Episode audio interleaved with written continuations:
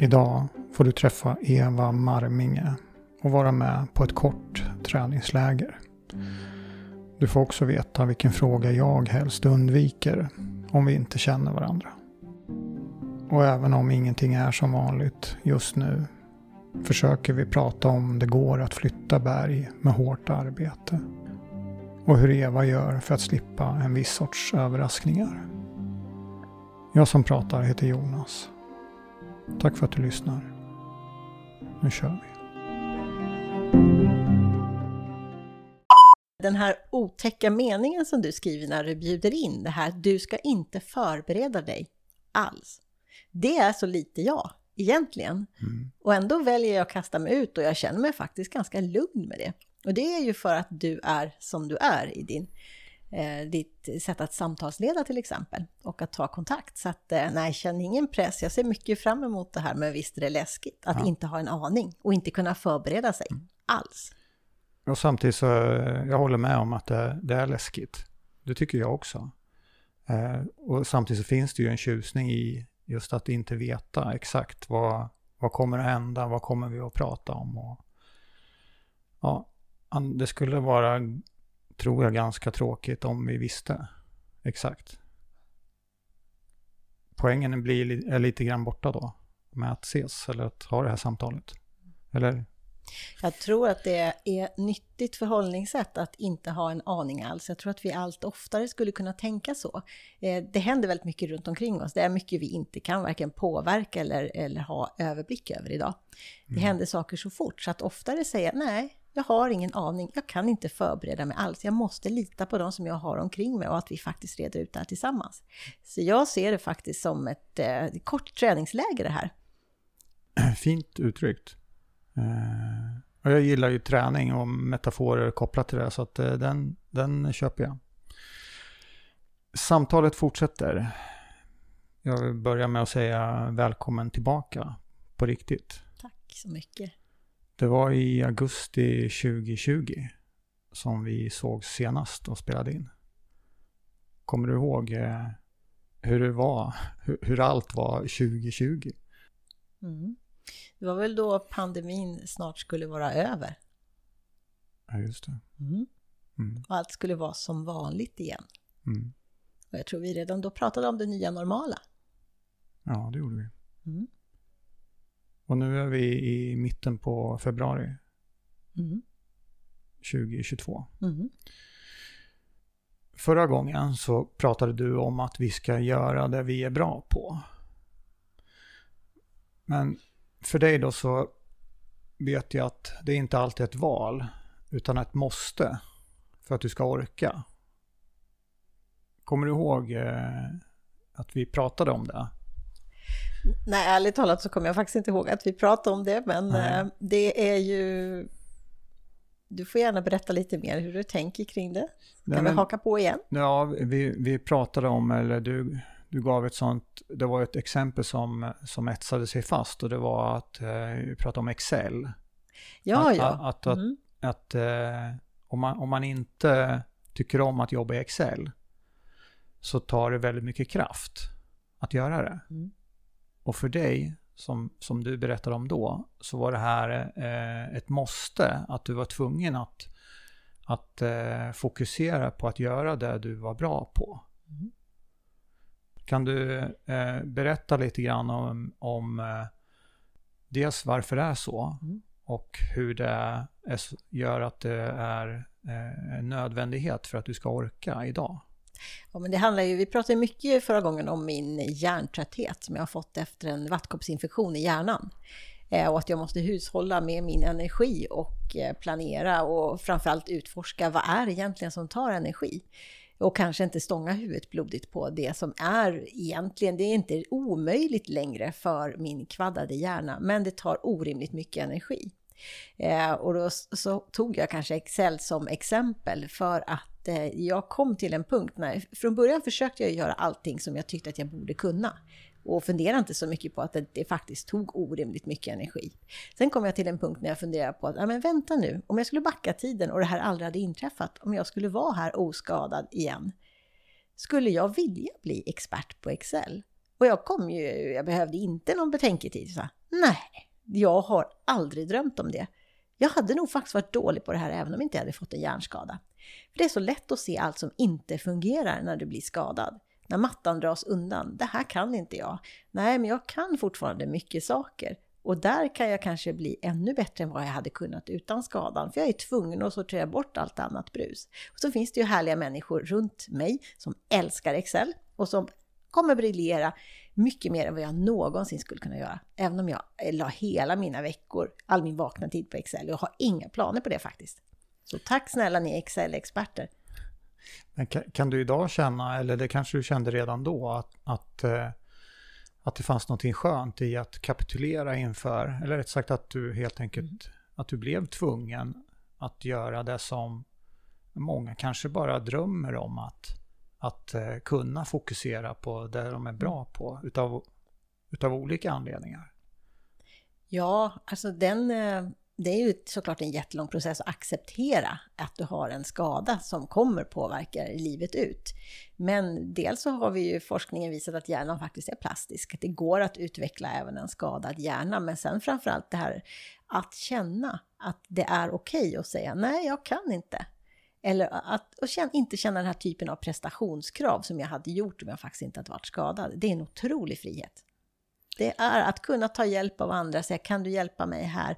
Och inte känna att jag behöver prestera på alla plan. Och tyvärr kanske jag hade känt det innan. Jag var mm. väldigt prestationsorienterad och det där är en stor frihet faktiskt. Det är ja, skönt. Och jag, jag menar, det, normen är ju att vi ibland i alla fall lägger den pressen på oss själva. Mm. Att vi, ja men det är klart att jag ska klara av att göra det här också. Eller jag kan lära mig det här. Mm. Eh, men jag skulle, jag skulle vilja ta det ett steg längre, att eh, även om jag förstår att det är en, en jobbig konsekvens, så, så är det en superkraft att, att ha det liksom, eh, de förutsättningarna att du, du börjar redan från början med att titta på vad, vad, är, vad är du bra på och utifrån det, vad kan du göra och vad vill du göra? Mm. Snarare än att eh, ha allt alla alternativ öppna hela tiden. Mm. Det är en... Ja, sen är det ju såklart, jag kan tänka mig att man skulle kunna bli uppretad när man lyssnar på det, för att alla, vi har ju inte alltid val. Man måste försörja sig, man måste fungera på olika arenor. Eh, men jag tror ändå att ibland så sitter det här prestationen, bilden av att vi måste prestera och vad vi har för bild av att faktiskt prestera sitter många gånger i huvudet och i egna förväntningar. Inte alltid förstås. Mm. Och det är inte alltid lätt, det är inte så att det är valfritt, fritt valt arbete överallt. Så är, ser inte livet ut. Vi är tvungna att göra en hel massa saker. Men jag tror i alla fall att jag hade helt andra förväntningar på eh, och föreställningar om vad prestation var och trodde att hårt arbete, om jag bara anstränger mig lite mer så kommer jag prestera ännu bättre. Och så är det ju inte alltid faktiskt. Nej. Utan snarare kanske tvärtom, särskilt om vi skulle prata någonting om kreativitet. Så tror jag att det går inte med att flytta berg med hårt arbete alla gånger. Att anstränga sig ytterligare lite mer. Och den där ansträngningen har jag blivit mycket mer observant på.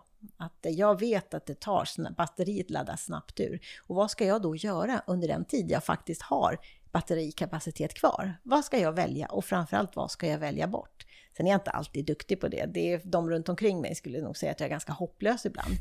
För att jag kan dra iväg. Att, Men vad, vad, om du skulle nämna någonting då som du skulle vilja slippa att göra? Som du kanske fortfarande gör? ja nu får jag väl inte svara laga mat. Nej, jag tycker det är kul jo, att laga mat. Men de här vardagssysslorna såklart. Det är ju, de, de sliter? Ja, det gör det ju såklart. Jag är ju egentligen jag har ju den typen av skada som man kanske inte aldrig märker ibland i arbetslivet när det gäller att vi pratar om ämnen som jag är intresserad av. Och där tror jag det jobbas ju upp nätverk kring. Jag kan suga åt mig väldigt mycket information om till exempel teoretiska ämnen, som jag då är intresserad av. Men jag kan ha väldigt, väldigt svårt att se vilka moment som ingår i ett, att laga en middag. Mm. Så att eh, jag lagar ju gärna samma rätter och jag kan ju ha väldigt lång startsträcka för att kunna byta om i en simhall. Sådana saker där man ska göra olika moment när det är mycket stimuli runt omkring. Så det jag gärna slipper, det är egentligen överraskningar. Det låter ju jättekonstigt att sitta här när man inte kan förbereda sig alls. Men det här är en förberedd överraskning. Men andra överraskningar, som att jag mitt när jag lagar mat eller försöker byta om, att det händer en massa saker runt omkring Kan jag slippa så många sådana överraskningar som möjligt så eh, mår jag bättre. Och den största överraskningen det är oftast andra människor som är fantastiska, men man vet ju aldrig riktigt vad en annan människa gör eller vill eller så. Så, skulle jag ha gäster hemma så får jag försöka laga så mycket av maten som möjligt om jag nu ska göra det dagen innan. Och inte tro att jag ska stå och fixa till det lilla extra när jag har köket fullt med människor. Det går ju inte. Så jag försöker rigga miljöer som där det inte kan bli den typen av överraskningar eller där då aktiviteten lämnar utrymme för överraskningar. Mm. Så, kan, du, kan du känna direkt, eh, jag, kan, jag kan gissa att du, du vet ibland innan att du kommer att bli trött. Oh ja. Men, men kom, stämmer det alltid? Kan du, det är den ena frågan och den andra är hur lång tid tar det innan du märker eller förstår att du kommer att bli trött? Det där är en intressant fråga, för det kan ju vara att det blir självuppfyllande, att funderingarna just utifrån det här att försöka förbereda sig, skapa strategier, det kanske är det egentligen, om man ska rannsaka sig själv, som tar mest kraft. För är där situationen kanske aldrig inträffar eller det kanske mm. aldrig blir jobbigt. Men då har jag ju redan tagit kapaciteten på att fundera ut saker som möjligen skulle kunna hända. Så att ibland så tror jag att jag, även med min skada, jag har blivit bättre på att bara gå in i situationer tänka, nej jag tänker inte så mycket, nu gör jag det här och det kommer vara värt det. Har du tid att vara kreativ idag, tycker du? Ja. På jobbet och, ja. och hemma? Absolut, det skulle jag säga. Jag tror att det, det blir så automatiskt för min del nu. Just jag tror att jag har blivit mycket, mycket mer kreativ efter att jag blev skadad. För jag är tvungen att ha den här typen av tanketid. Jag är tvungen att ha de här eh, tystare perioderna. Liksom. Hör jag rätt då om du säger att när du har de här tysta perioderna, tanketiden, eh, att det är, då du, det är då det uppstår och att det är då du är eller blir kreativ? Oh ja. Den föds där. Oh ja, och det jag gör då också, till exempel promenader eller vistas i naturen till exempel. Eh, det, det ger ju utrymme för nya tankar. Eh, och det är ju också ett sätt att försöka både som du sa, rigga, planera för vad som komma skall, men det är också reflektion som är bakåtriktad. En ständig utvärdering. Vad, funderar, vad fungerar egentligen? Och jag behöver ju också hela tiden ha en beredskap för att rätt vad det är så kopplar ju min kära hjärna bort någon funktion till exempel.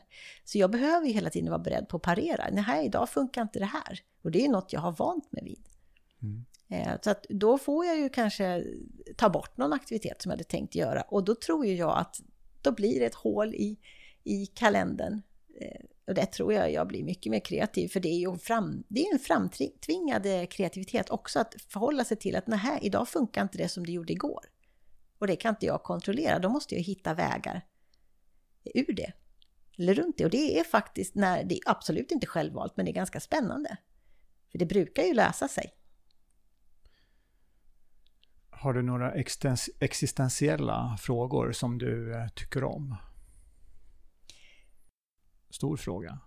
Ja, kan, får man I göra sig. så i den här sporten och skicka tillbaka bollen? Vad tänker du själv? Får jag fråga det? För att existentiella ja. frågor, det är inte kanske det som jag ägnar mig mest åt Nej. att fundera kring. Hur tänker du där? Ja... Kan du ge mig en ledtråd? Mm, nej, men jag tänker att det är det är allt mellan liv och död. Det är eh, att reflektera över meningen. Det kan vara eh, vänskap, ensamhet, eh, sorg, glädje, mm. syfte.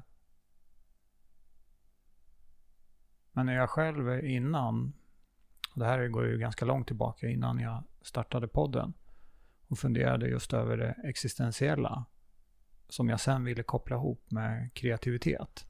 Så det jag upptäckte då var, och det här har jag varit inne på lite grann tidigare, men det var just att när jag eh, researchade eh, så upptäckte jag att de existentiella frågorna, de var väldigt vanligt förekommande i livets slutskede. Mm. När det gäller studier och, mm. och vad, vad, vilka träffar jag fick när jag sökte på Google. Mm. Och det, jag, kunde, jag kan ju förstå att de frågorna dyker upp. Mm. samtidigt som jag kände en, en, en liten sorg över att varför ska vi ta dem på slutet för? Ja, just det. Om vi, om vi nu kan vara överens om att det är viktiga frågor för oss. Mm. Det handlade ju om olika saker, men, men bland annat om att, att göra det så, så att mildra eh, hur mycket man nu kan göra det, alltså minska det jobbiga för, för människor som när de närmar sig Mm. döden. Mm. Vikten av att få reflektera och att kunna se, precis som du var inne på tidigare, bakåt. Mm. Eh, för att kunna mm, kanske förstå, uppskatta. Mm. Känna tacksamhet och så. Mm. Tror du då, jag kanske inte ska fortsätta intervjua dig hela tiden, men jag är nyfiken på att höra vad du tänker kring den fa- omfattande kris som ändå pandemin har varit, där det har hänt. Det är ju många som har förlorat nära och kära, men även som inte har gjort det så har det ju varit en kris som har kanske satt spår i många. Tror du att det har skett någon form av förflyttning här, där du eh, tror att fler har närmat sig de här existentiella tankarna, även då fast man inte ligger för döden, utan mitt i livet? Tror du? Har du sett något sånt? Jag vill, jag vill hoppas att det är så. Eh, och jag tycker väl att det finns vissa tecken på det. Eller jag tycker jag hör att en del uttrycker eh, alltså att eh, en lättnad över att vissa saker som var, har varit jobbiga med pandemin har samtidigt varit eh, skönt för, för en del. Att eh, tempot har sänkts. Mm. Eh, det som först kändes jobbigt, att inte kunna umgås lika på samma sätt och träffa lika många människor och, och sina nära och kära. Det har varit jobbigt eh, å ena sidan. Men det har samtidigt gett eh, ett lugn i att känna att jag kan överleva och till och med faktiskt må bra utav att trivas med att vara själv. Mm. Eller att inte hela tiden ha så mycket saker som händer. Mm. En sån sak Mm. tycker jag mig se. Vad ty- Mm, jag håller med, jag håller med och jag tänker att lite där som du frågar efter, liksom, för egen del så kan jag tycka det här med att förhålla sig till att jag kan ju inte kontrollera förloppet alltid. Och då är, gäller det att landa i situationen och hitta den här grundtryggheten. Eh, att det nog faktiskt är någon mening. Jag kan ju söka en mening med om vi pratar om den här skadan, att jag har drabbats. Jag försöker ju förstås Eh, se någon nytta med det, för det är ju som det är. Jag försöker också se det som jag faktiskt kan göra och det jag har fått, som nog är bättre nu. Och bland annat så har jag ju blivit mentor till en ganska nyskadad person som har drabbats av en traumatisk hjärnskada mitt i livet och det är den bland det bästa som har hänt mig under de här åren sedan vi sågs. För det mentorskapet det övergick ju ganska snabbt i att vi kallar varandra för hjärnkompisar. Eh, otroligt mycket att prata om och mycket att utforska fortfarande. Och det tycker jag, då känner jag ju, ja då är det nytta med de här erfarenheterna som faktiskt var ofrivilliga från början. Men det är en mening med allt, så länge man kan använda sig av det som har hänt. Och, det, och reflektera. Eh, jag hörde ett bra citat, att det inte är erfarenheten i sig eh, som ger det här viktiga lärandet, utan att det är att reflektera kring erfarenheten. Eh, och gärna då kanske positivt. Eh, Det tycker jag är ju lite existentiellt. Att fundera på, är det någon nytta med det här? Eh, hur är det idag? kunde, kunde du se innan? Eller var, du- var du beredd på hur det skulle bli? Alltså mellan dig och, och din hjärnkompis. Ja, men det var faktiskt lite... Du låter ju överraskad. Ja, det var nog nästan lite, jag drar nästan lite parallell till när jag skulle spela in den här podden med dig förra gången. Du kan inte förbereda dig alls. Nej. Det var så väldigt intressant för att jag fick ju syn på att jag försökte förbereda mig så pass mycket och jag kunde, jag visste inte vilken person jag skulle paras ihop med. Jag visste att den här personen ganska nyligen hade drabbats av en svår hjärnskada. Eh, Och jag som har varit så mycket i rehabmiljöer och så kom på mig själv när jag backade ur och tänka att oj, jag är faktiskt ganska orolig för att möta den här personen. Och då gjorde jag precis likadant som andra har gjort mot mig. Jag hör talas om hjärnskada och får upp massor med bilder och jag försöker planera hur jag ska bete mig. Sen tänkte jag, det här är ju fantastiskt. Gå in i situationen, var dig själv landar jag i. Men jag gick ju precis i samma spår som jag själv. Eh, jag har ju ett hälsokort där det står om hjärnskadan och så vidare som jag kan visa upp för personer. Så här behöver ni behandla mig. Och jag har provat det en gång ju. Det var inom vården. och när man läste hjärnskada så började man prata extremt sakta med mig och så vidare. Och jag följer precis i samma nu. Bara ordet och att jag visste att det här var en person jag inte hade träffat som var hjärnskadad gjorde att jag började planera en massa saker. Helt i onödan. När vi fick kontakt med varandra så var ingenting av det som jag hade förberett mig på aktuellt att använda. Utan eh, vi gick in med öppna sinnen båda två, fann varandra direkt och har otroligt mycket att prata om. Och mellan oss finns det ingen prestation och vi har otroligt roligt. Vi lär oss så mycket av varandra och det här är en människa, jag har aldrig träffat henne så här fysiskt. Eh, vi träffas via Teams först men sen då via telefon. Och eh, en timme i månaden. En otrolig utveckling som jag har så nytta av på alla plan. Och det är ett samtal med en människa som är genuint intresserad av mig och som själv vill utvecklas utifrån sina nya förutsättningar. Det är helt fantastiskt. Men om vi så ska säga några ord om, eh, till om kreativitet. Skulle du vilja kunna mäta hur kreativ du är? Jag tänker eh, att vi har ju pulsklockor på oss mm. Ibland när vi tränar. Mm. För att kunna se hur vår kondition utvecklas. Mm. Ja, men vad skulle anledningen vara till att mäta kreativiteten? Skulle det vara en trygghet att det faktiskt händer någonting där inne i, i huvudet? För annars kan man ju mäta kanske effekten av kreativiteten. Vad vill jag åstadkomma? Eh, och då kanske vi pratar mer om innovationer. Kreativitet som blir synlig för mm. att vi skapar någonting. Eh, för annars så ja, den, vet jag, jag. Tycker den är, jag tycker den är svår. Mm. Alltså för att, att mäta vad kreativiteten leder till. Mm. Det kan ju vara, det kan vara någonting konkret. Mm. Där vi faktiskt kan mäta det. Mm. Men det kan också vara en slags inre resa, om man ska uttrycka det mm. så. Alltså att vi, vi mår bra av det helt enkelt. Att vi behöver kanske inte mäta, eller kan, jag, kan ta bort, jag kan stryka ordet kanske, vi behöver inte mäta eh, om det är kreat, eller hur kreativt det är att skriva eh, en sida för hand. Exempelvis att reflektera. Vi kan kanske ändå veta att eh, det händer någonting. Ja, jag är lite kluven till att eh, bara prata egentligen om att mäta kreativitet för att jag är rädd att det skulle få motsatt effekt, att det skulle bli prestation i det också då. Däremot så kan jag ju tycka att reflektera, till exempel ha en skrivbok och skriva eh, mm. vad jag har tänkt för tankar. Det skulle kunna vara intressant. Mm. Eh, men kanske inte utifrån att mäta på det sättet som ordet mäta i alla fall eh, vad det framkallar hos mig. För då är jag inne på att saker som kanske skulle kunna påverka idéflödet negativt. Mm. Kanske inte var något bra exempel på det där med att skriva om att mäta just det. Men eh, ibland så har jag funderat över det att eh, för jag kan ha ett, eh, jag har ett annorlunda själv förhållningssätt till träning eh, idag än vad jag, vad jag haft tidigare. Mm. Tidigare så har det varit mera fokus på prestation. Okay, ja. Mm. Eh, men jag kan fortfarande tycka om att eh, när jag tränar, att exempelvis eh, kunna se vissa saker mm. utan att jag för den skull värderar det som att det är en bättre prestation. Ja, kan du hänga med? Ja, absolut. Ja. absolut. Och, och, där, och där tycker jag att det kan eh, vara intressant eftersom jag mm. också mm. tycker det kreativa, den kreativa processen är intressant. Mm.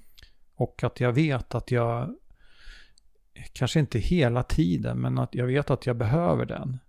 Alltså kan jag se att jag gärna strävar efter att, att kunna se att eh, den får ta plats. Mm. Precis som träningen egentligen. Mm. Att det sker en, eh, jag har till exempel, det här kanske inte håller liknelsen, men jag har till exempel i, i, i min träningsapp så, så står det oftast “You're slowly improving”. Ja. Och jag älskar det. För just för att jag, i mitt fall så älskar jag just det långsamma. Det finns en långsam utveckling som passar mig, i alla fall just nu, väldigt bra. Mm. När det gäller min kondition. Mm. Mm. Långsamma utvecklingen, är ordet långsam, vad väcker det i dig? Väcker det tankar om att det är en stabil förbättring som kommer hålla? Jag kan ju se att det har varit det, det är en tendens som har pågått. Ja. Jag vet inte hur länge en tendens är. En. Nej, men, men eh, jag kan se, eh, och det ger mig ett, ett lugn i att fortsätter jag göra det jag gör Mm. så, så kan jag vara hyfsat säker på att jag kommer att ha en, en, en i alla fall för mig, en helt okej utveckling. Så- Eller att, eller att jag helt enkelt bara kan landa i att jag mår bra. det. Mm. Det räcker också, så det behöver Mm. inte vara kopplat starkt till just utveckling. Att hitta, gå via välmående och sen luta sig tillbaka och tro att lagom kreativitet kommer på köpet. Det tror jag är ett bra förhållningssätt Mm. faktiskt. Och det leder mig in då på, på eh, formkurva Mm. och välmående. Hur, om du skulle sätta ord på hur din formkurva eh, ser ut i år exempelvis. Ja, då börjar vi vid nyår. Mm. Ja, formkurvan, jag känner att den är på väg, med, med reservation för att jag är ruskigt glömsk ibland, men det kan ju inte, behöver inte bara vara negativt, Nej. så känns det som att den är på väg uppåt. Av olika anledningar. Jag tycker att jag har det väldigt, väldigt bra. På alla plan egentligen. Mm. Har du haft några bra formsvackor sedan vi sågs? Kan du, även med reservation för minnet då? För Ja, jag, jag, kan bara, jag kan inflika innan, innan du svarar. Eh, att jag själv har ju, alltså, det, det tror jag inte att jag är ensam om, men jag har en förmåga av att glömma det jobbiga. Ja. Mm. Vilket, vilket är, Överlevnadsmekanism. det är ganska skönt. Ja. Men, men eh, en, bra formsvacka i mina ögon, det, det kan ju det kan ju leda till att man känner att det finns, att det händer någonting när man kommer ur den. Mm. Någon slags utveckling. Mm. Mm. Jag tycker det är svårt att svara på. Jag vet inte om jag ska skylla på pandemin men det har ju varit höga, dal, höga berg och djupa dalar på... Eh, det är klart att man har funderat under de här åren som har gått sedan vi sågs på eh, att det har varit mycket både tankar och känslor. Så att det är ju svårt tycker jag att eh, säga att det har varit något längre eh, sammanhållen formsvacka, utan kanske väldigt då eh, frekventa istället. Skulle det kunna vara så, jag får en tanke nu, att eh, eh, det negativa och jobbiga med pandemin i sig har gjort att vi har flyttat fokus, fått hjälp att flytta fokus då från oss själva och Mm. våra vardagliga vedermödor så att säga. Mm. Men är det någon skillnad då om, om, du, om du nu drabbas av en formsvacka? Eh, är det någon skillnad i, i hur du agerar om, om du känner att den formsvackan är på jobbet eller om den är hemma? Ja, det, det är klart att det är, man går alltid in i sin yrkesroll. Det tror jag ju att eh, vissa beteenden får ju kanske större plats i privatlivet än i en yrkesroll. Så det tror, jag tror alltid att det är skillnad. Jag tror, även om jag känner att jag kan vara mig själv på jobbet, jag, har ju, jag är lyckligt lottad, det, jag känner att jag behöver inte förställa mig på det sättet. Men, men visst, det är klart att det, det skulle jag säga att det kan vara skillnad. Hur reagerar du? Det är lite så jag menar. Mm. Eller beter du dig om du nu känner att, det är, att du har en formsvacka på jobbet? Ja, då tror jag att jag, jag tror faktiskt att jag är bättre på, nu spekulerar jag kanske, det är kanske inte alla som hör här sen som kommer hålla med, men jag tror att jag eh, har lättare att be andra om hjälp faktiskt. Kanske i arbetssammanhang eller säga att hur, tänka tillsammans med andra och hur tar vi oss ur det här eller eh, här skulle jag behöva hjälp. Det tror jag faktiskt inte att jag är lika duktig på privat alla gånger. Eh, så, som till exempel mamma. Mm. Där tror jag fortfarande att jag många gånger eh, kör på mer än vad någon förvänta sig. Där kan jag tycka att omgivningen är bättre på att säga ja men här hjälps vi åt. Eh, julbordet i år till exempel, då var jag portförbjuden i köket för i år skulle minsann inte jag stå för hela julbordet och trötta ut mig som jag hade gjort tidigare. Och det är väl en sån här signal, jag hade inte själv sagt att kan vi inte göra så att idag, i år sitter jag i soffan medan ni lagar julmat. Det hade jag ju aldrig gjort även om det gynnar eh, kanske både mig och familjen där. Så att jag är nog bättre på att be om hjälp och samarbeta med andra på jobbet än vad jag är hemma om jag ska reflektera här och nu i samtalet. Mm. Läser du mycket? Ja, jag, jag läser massor, men jag läser inte några romaner, deckare, mord, sådana saker. Det kan jag läsa om det är få personer med och bara när jag har semester till exempel. För det är ingenting som jag liksom orkar annars. Eller väljer att lägga tid och energi på. Däremot läser jag otroligt mycket facklitteratur. Och då använder jag ju, jag tror faktiskt att jag är kanske inte ska nämna företagets namn, men det är en pryl där man kan köpa massor med prylar, däribland såna här post-it-lappar och eh, pennor i olika färger. Jag tror jag är storkund, eller jag vet att jag är det. Mm. För jag eh, läser utifrån teman, sätter post-it-lappar och skriver det jag tycker är intressant. Så när kollegorna ska ha någon fackbok efter mig, då är det miljoner av lappar i. Som jag började med att plocka bort, men det var en kollega som sa nej, ta inte bort dem, jag vill ju se vad du har tyckt var intressant. Mm. Och sen använder jag de lapparna för att kunna göra powerpoint-presentationer och annat då som eh, både hjälper mig att komma ihåg och som kanske kan bidra med att någonting, något värde till någon annan. Så oerhört mycket facklitteratur, det skulle jag säga. Har du, har du ett annat sätt att läsa dem på? Kan du läsa flera artiklar eller flera böcker? Alltså att, att du växlar mellan eh, facklitteratur? Var den frågan begriplig? Ja, ja, ja, och om den inte är det så gör jag min egen tolkning och så mm, kan jag svara bra, vad jag vill. Bra. Så det passar mig bra. Mm. Nej. Mm. Jag, nej, men jag kan absolut, jag läser inte från perm till perm, utan jag letar ofta teman och då hoppar jag emellan. Och någonting som jag vill bli bättre på, det är att liksom korsbefruktningar mellan ämnen, att inte snöa in på till exempel psykologi. Jag är ju oerhört intresserad av lärande, hur vi lär till exempel. Men att lyfta blicken och att läsa kanske mer tvärvetenskapligt. Eller att eh, prata med någon annan som har helt annat fokus. Och det, det, tror jag på, så att inte snöa in för mycket och att då parallellt se kopplingar. Det är någonting som jag älskar när man kan se en tråd som passar ihop med en annan. Att, eh. eh jag, när jag var yngre så tyckte jag det var, eller det var så här, det var en konsekvens av att jag hade använt sociala medier väldigt mycket under en period. Det här är mer än tio år sedan. Mm. Eh, det, och det jag märkte att det påverkade min läsning negativt. Att jag klarade inte, jag orkade inte att läsa längre stunder. Mm. För att jag började plock, tog, tog upp telefonen eller ja. bara kände att jag or, orkar inte koncentrera mig. Eh, det i sin tur ledde till att jag var, var tvungen att förändra mitt eh, läsbeteende. Ja. Och kunde faktiskt omfamna just det här som du beskriver, att uh, kunna läsa Eh, en liten del av en bok. Och då mm. var jag också eh, och, eh, alltid läst väldigt mycket fack, facklitteratur mm. om olika saker. Mm. Eh, och de är ju sällan lämpade för att läsa i ett streck. Eh, och, och det, själva uppbyggnaden gör ju att det är lättare att hoppa också. För det är ingen mm. handling på det sättet. Nej. Det, det tror jag, det, det, passar ihop men det är inte exakt samma spår. Och sen att man, det känns lite förbjudet egentligen att inte läsa klart en bok utan hoppa till nästa. Men det där kan jag känna igen också, att jag kan ju leta efter som sagt teman. Då kan jag plöja igenom hela, jag har ett eget bibliotek hemma till min mans stora frustration. Tänk när vi ska flytta. Men där kan jag ju plöja böcker som kan vara gamla, alltså även från när jag gick personalvetarutbildningen. Och det var ju på 90-talet. Men jag kan hitta trådar att plocka upp, så jag kan kanske plöja 10-20 böcker och leta efter bara ett tema. Mm. Och då hoppar jag ju emellan. Men då vill jag bli bättre på att hoppa helt utanför det också. Mm. Till vad kan mer vara relevant?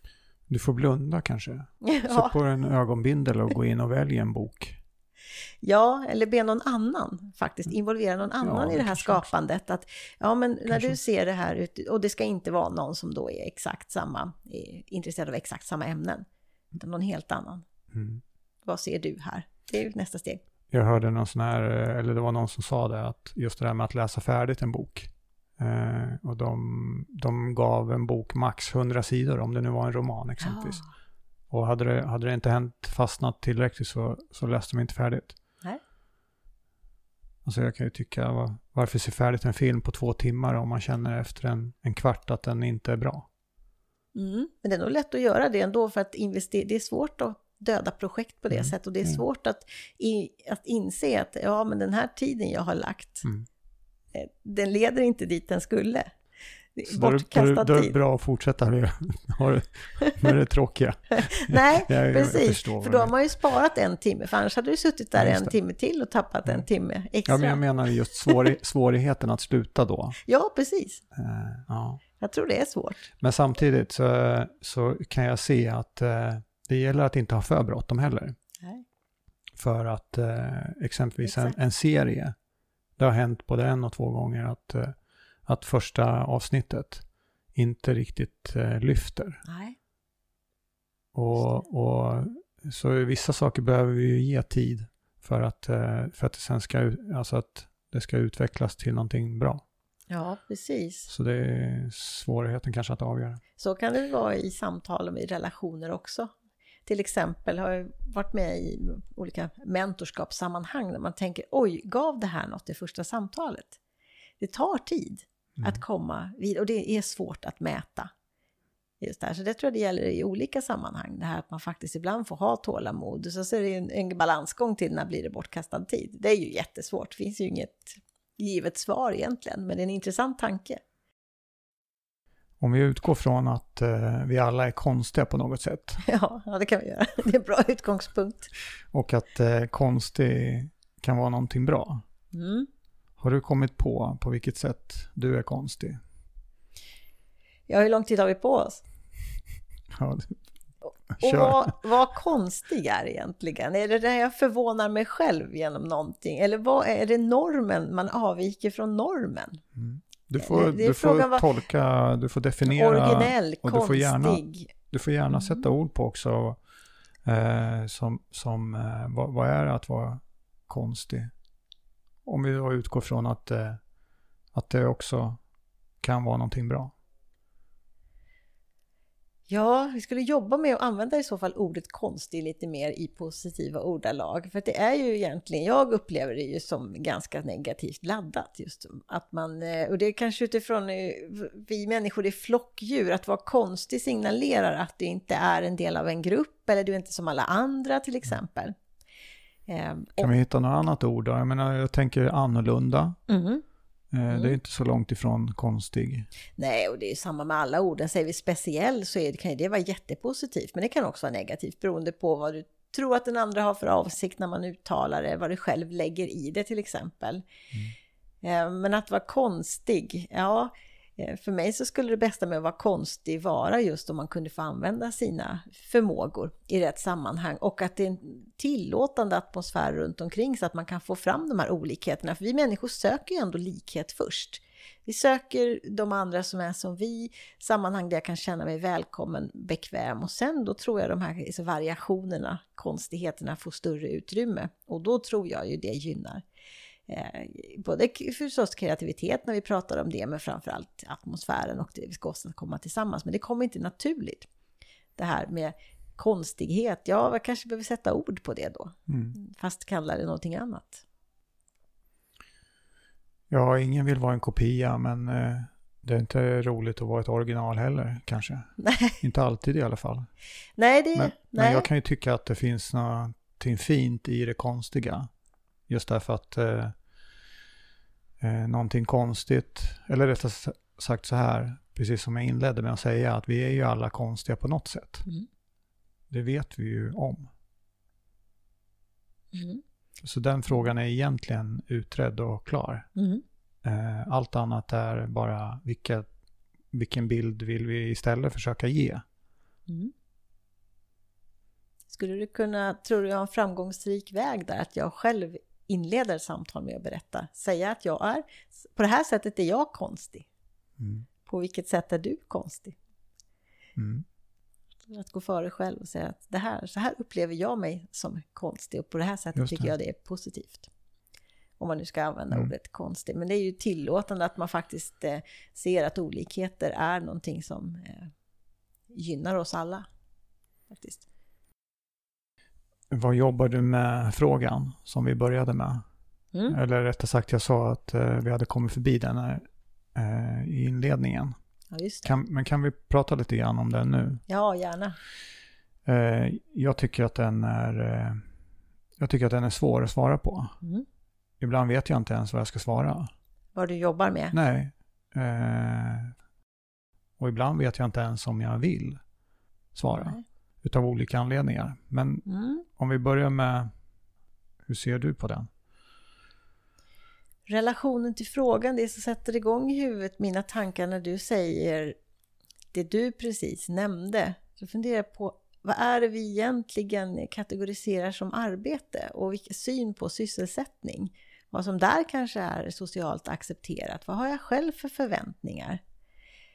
Eh, om det ligger i det Där ibland kanske som, jag, som du sa, kanske inte ens vill. Och vad beror det på? Om du skulle säga att du ägnar dina dagar åt det du faktiskt vill. Mm. Är det då ett arbete mer? Mm. Det är svårt det här med vad är jobb? Är arbete? Är det någonting som bringar inkomst? Är det att bidra med ett värde av något slag? Eller hur, hur kategoriserar vi jobba?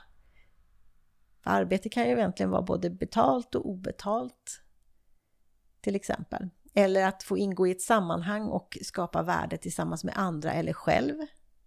Att bidra med någonting till sin omgivning oavsett det är betalt eller inte betalt. Att vara en, en trygg och välmående människa som kanske bara genom att eh, finnas i närheten bidrar med mycket till de andra som finns runt omkring en. Kanske är det här det viktigaste arbete som finns.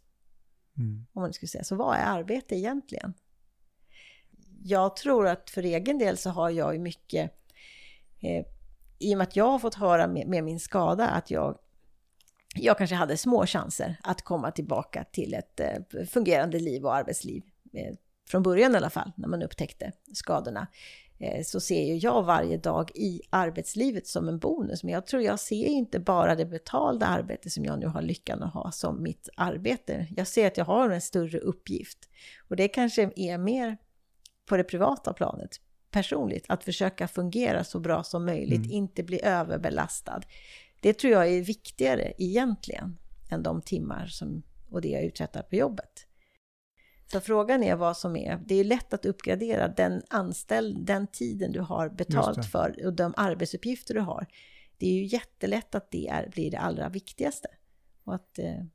Ja, för ibland så är jag, jag kanske är helt fel ute när jag eh, gissar. Alltså det här som vi var in, att, att försöka förstå vad någon annan vill veta. Mm. Eller rätt sagt att jag försöker förstå varför frågan ställs. Ja. Och det har jag ju såklart ingen aning om. Men eh, jag har, jag har i alla fall jag har väldigt svårt att låta bli att uh, undra varför frågan ställs. Va, det, vad jobbar du med? Ja, det, det är, ja. Re, det är det ena mm. därför att mm. eh, eh, det finns så många olika anledningar alltså till att mm. den kommer. Mm. Ofta är inledningen precis i början med någon som jag aldrig har pratat med. Just det. Det är en situation. Kan det vara det här mänskliga att vi faktiskt har ett behov av att sortera in, eh, att förstå omgivningen, sortera in eh, de vi möter i boxar och hitta det vi faktiskt har gemensamt. För det kanske är så att du då skulle säga någonting som jag också kan relatera till och då har vi någonting att prata om. Mm. Så egentligen kanske inte frågan handlar någonting om dig utan att det är så vi är för vi försöker hitta någonting att prata om. Sen är det kanske, ibland kan det vara olyckligt att det just är Eh, den frågan som ställs. Det kanske kunde vara någonting helt annat, men det är någonting som vi har väldigt naturligt. Och det är en jätteintressant tanke du har kring det. Och vad skulle man kunna svara istället? Och vad, hur skulle den som vi möter reagera om jag sa Nej, men jag skulle inte säga att jag jobbar, men jag ägnar min tid åt det jag tycker allra, allra bäst om. Eller någonting sånt. Vad skulle hända då? Det, vi får ju en reaktion när vi säger någonting. Eh, så att eh, ibland så är det frågan, är det värt att få den här? Vi försöker ju blixtsnabbt fundera på vad ska den andra säga, hur ska den andra reagera? Och den här frågan, den är ju säkert inte alltid laddad för den som ställer den, eller väldigt sällan. Nej, jag tycker, men jag tycker det är ett bra förslag. Att uh, våga testa någon gång. Se vad som händer. Ja. Men har du, har du förslag då på, på någon annan fråga som du själv skulle antingen vilja få som en första fråga i ett samtal? Med någon som du inte känner eller, eller som du själv skulle kanske till och med vilja ställa, ställa till någon? Istället för vad, vad jobbar du med? Ja, jag inser ju att det är en del som skulle rygga tillbaka om jag inledde en konversation med det, men det jag tycker är allra mest intressant det är ju eh, vad, vad, tycker, vad uppskattar du allra mest? Eller vad tycker du är allra roligast att göra? Eller vad har du lärt dig den senaste veckan? Eh, det är ju sånt som jag tycker är är spännande att prata om? Eller mm. har du någon, någon ny insikt? Eller vad är du mest nyfiken på? Och vad är det som hindrar dig då? Är det rädslan att någon ska tycka att du är konstig? Ja, det kan man ju undra. Det kan, jag tror att det handlar ju om de här sociala koderna och det, de som kanske ibland bara finns i det egna huvudet, där det är ren tankeläsning. Jag tror blixtsnabbt, vi måste förhålla oss till vad är det här för människa, vad är det för sammanhang, vad är okej? Okay? Utveckling eh, tar tid. Ja. Eller har du, har du kommit på något sätt att snabbspola genom det, den fasen? Ja, men egentligen tror jag utveckling kan gå väldigt, väldigt snabbt. När tvingas in i någonting ibland. Mm. Någonting som händer, då sker en utveckling. Och också ett minne som befästs. Då går det direkt Eh, Eh, då inte, passerar det inte arbetsminnet alla gånger, utan det kan ju vara en känsla, det kan ju vara ett lärande som kommer omedelbart och som sätter sig. Och det är en form av utveckling. Sen så reflektionen över vad som har hänt och hur utvecklingen egentligen kommer märkas framöver, den kan ju ta längre tid. Men själva utvecklingen tror jag kan gå snabbt. Ja, det, det där var intressant för att när jag, när jag förberedde frågan så hade jag ju tanken på det första. Alltså mm. att utveckling, att det tar tid. Mm. Eh, och det är ju fortfarande, det är fortfarande så. Mm. Men eh, du lyfter ju in ett helt annat perspektiv. Som är att eh, utvecklingen kan ju vara ögonblicklig. Mm. Som det kanske skulle kunna förändra eh, många sammanhang eller situationer när vi, när vi inte bara håller fast vid att det måste ta tid. Jag vet inte. Nej. Det finns ingen... Eh, eller så här, jag ska, jag ska, fråga, jag ska fråga en sak till om utveckling där. Mm. Tänker du ibland att det är svårt att ha tålamod? Ja, oh ja, oh ja. Och då kopplat till att utveckling ibland i alla fall kan ta tid? Absolut. Absolut. vad, vad händer då i, i dig? Ja, men i det ideala världar så hinner jag ju bli medveten och tänka till. Att har jag nu gett det här tillräckligt mycket tid eh, innan jag hittar på någonting nytt? För annars så testar jag ju någonting nytt. Utifrån att jag är otroligt nyfiken så testar jag ju någonting nytt när tålamodet tryter. Men det är kanske inte är så att jag har kommit till den där eh, godbiten, så att säga, det som skulle kunna hända om jag väntade lite till och hade mer tålamod. Och där behöver jag ju omge mig med andra människor som har mera tålamod i, till sin natur. Som funderar på, ah, men är det verkligen läge att byta spår redan nu? Eller borde vi ge det här lite mera tid? Det är svårt tycker jag. Det är svårt att bli klokare på det här området. Alltså ja. att avgöra. Mm. Det är svårt. Det är ju svårt för du kan ju stanna för länge i ett läge också som inte blir gynnsamt för någon att fastna. Det är ju jättesvårt att avgöra. Mm. Det är en intressant tanke. Just, vad är tålamod egentligen och ska, ska vi ha tålamod och i vilka fall ska vi ha tålamod? Ja, det enkla Hur visar sig det? Ja, exakt. Det enkla är ju att uh, själva kategorisera oss uh, och till och med kanske andra också. Mm. Som att någon har bra eller dåligt tålamod. Mm. Men jag tror att sanningen ligger mer i att det varierar extremt från från olika situationer och att eh, när det ibland är bra att inte ha tålamod. Mm. Även om det är lätt att få likes på att säga att ja, du har sån tålamod. Det... Mm. Vad menar vi då? Vilket beteende ja. är det vi menar egentligen när vi säger tålamod? Är det då en förmåga att ge någon annan sändningstid, uppmärksamhet, att inte brusa upp? Är det det vi menar egentligen? Är det det beteendet som är tålamod? Mm. Ja, det, kan, det tänker jag att det kan vara. Mm. Det kanske också kan vara uthållighet. Mm. Att eh, vara kvar i skavet om vi nu känner att eh, vi inte får de resultat vi vill ha om vi nu gör någonting mm. kopplat till utveckling. Mm. Så just det där ambivalensen mellan att eh, ge upp eller ha, ha tålamod. Mm. Precis, men kan man bli medveten om det kanske man kan försöka, som du var inne på, du sa mäta kreativitet, men att försöka se någon form av egen förflyttning ändå, att det inte är ett eh, stillasittande läge, utan försöka se att ja, men det är någon form av rörelse, det finns någon mening med att stanna i den här mm. situationen i alla fall. Mm. Det finns ingen motsättning mellan den personliga och den gemensamma utvecklingen. Jag gillar det. Och det sa du när vi träffades senast. Mm. och jag tycker att det är, eller för mig så har det i alla fall, det har varit en svår eh, utvecklingsprocess. Att jag, att jag kan känna att, eh, att jag kanske inte är egoistisk när jag ibland börjar med att göra någonting som, som är utvecklande för mig. Mm. Men tidigare så har jag ibland upplevt att just det svårigheten att inte tänka på eh, eh, kanske gruppens utveckling. Mm. Min fråga där var inte helt tydlig för det fanns ingen ens, inser jag nu. Nej, men jag lyssnar gärna för Nej, det är jätteintressant att höra dina tankar kring det här, om det finns en motsättning. Nej, Eh, men är det, det var ju du som sa det kloka, det var Mm. inte jag. Eh, Men jag konstaterar i efterhand att jag gillar det. Mm. Eh, Och så vill jag på något sätt försöka sätta ord på att jag tycker att det är svårt. Mm. Och när jag tänkte innan vi träffades idag så eh, tänkte jag på syrgasmasken som de Mm. pratade om på flygplanet. Ja, precis. Det är kanske är ett tydligt exempel på att vi måste, eller vi behöver börja med oss själva om vi nu ska i den situationen kunna hjälpa någon annan. Mm.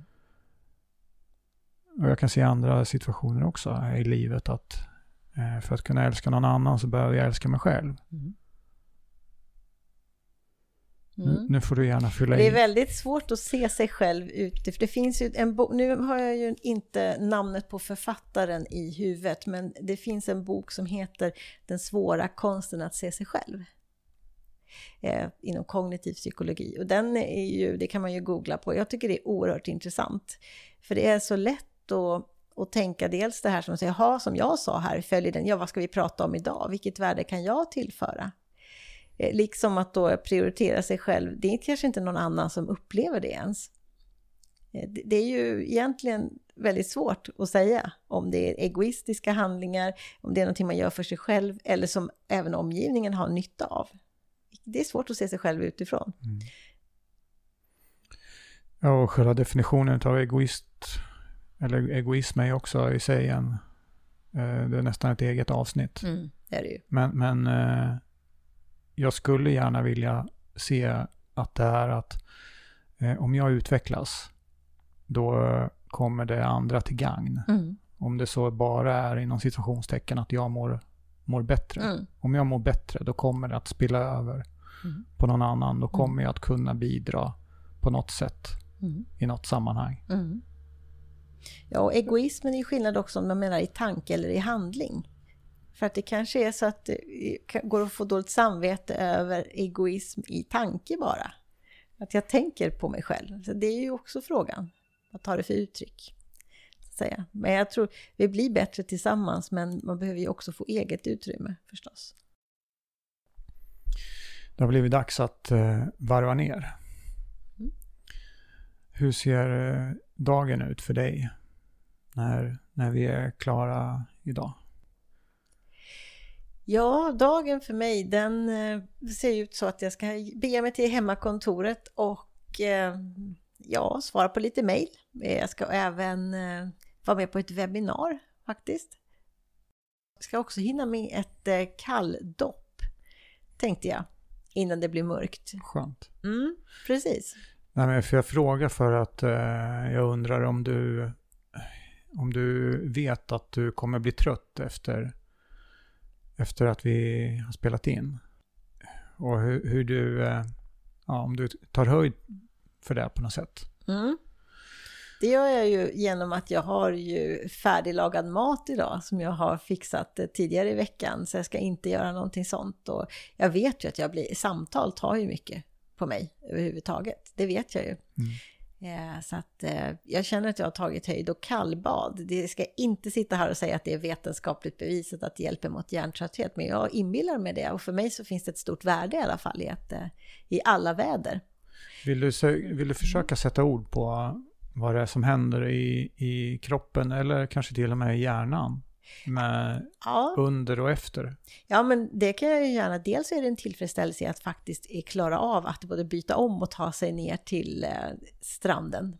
Eh, att, inte det blir någonting som blir en eh, extra belastning, utan det är en rutin som har kommit in i. Men sen är det ju framför allt det här att när det går ner i vattnet så händer det ju någonting, särskilt nu när det är 2,6 grader, men även faktiskt sommartid att eh, jag tror jag har tränat upp också, det är en, någon form av medvetenhet att nu fokuserar jag på känslan och inte på någonting annat. Så det blir ju en vila. Och även nu på vintern så sitter ju känslan kvar länge. Det lät som jag snotte det citatet från ett resebolag. Känslan sitter kvar länge. Men det gör ju det, den här isande känslan i kroppen. Eh, och det är samma som om man eh, aloe vera eh, kylgelé hjälper också tycker jag. Jag köpte av en familj på Gran Canaria. Jag köpte nog mest för att vara snäll från början faktiskt, eh, men kom hem och testa. Och det är också det här att det faktiskt händer, det är en känsla att fokusera på en punkt då, en stund och koppla bort alla andra tankar. Så att eh, jag tycker att just bad, det är någonting som bryter av eh, andra kanske tankar, tankeprocesser som tar kraft. Planering till exempel. Kan du känna att du, att du kan njuta utav, eh, vad ska man kanske inte är smärta, men att det ändå, det finns ju ett motstånd, mm. det finns ju någonting jobbigt i det där. Mm. Jag vet inte om det ska kalla det smärta, men... Eh, Nej, men du beskrev ju känslan att du, ja. att du verkligen var i den ja. när du klev ner, för mm. du ville känna. Mm. Och jag kanske då var ute efter eh, att det inte bara skönt. Nej, visst. Nej, men det har du ju, precis, absolut. Och det är ju också känslan att ha klarat av det, för det är ju också lite, på tal om tävling, att se vad har jag mina, vad går gränserna och går att öva upp. Jag är ju nyfiken, jag ska ju villigt erkänna att jag håller på och testar hur länge jag kan vara i till exempel och badar på olika sätt i olika väder, om det är stora vågor. Så att eh, jag håller på att testa en massa saker. Mm. Och eh, en sak är ju förstås, kan jag vara i längre? Och sen är det ju socialt, jag badar ju oftast själv, men ibland är vi ju ett gäng. Och då är det ju lite, då är det ju en annan dimension som kommer till där. Då blir det ju ännu häftigare att vi faktiskt klarar det här tillsammans. Vi badar alla årets månader till exempel. Annars då, har vi missat, tycker du, att prata om någonting idag? Som du skulle vilja att vi knöt ihop det här samtalet med? Nej, jag tror inte missat att prata om någonting sådär direkt, men eh, någonting som är väldigt högt på min agenda nu, det är ju just det här med liksom lärandet.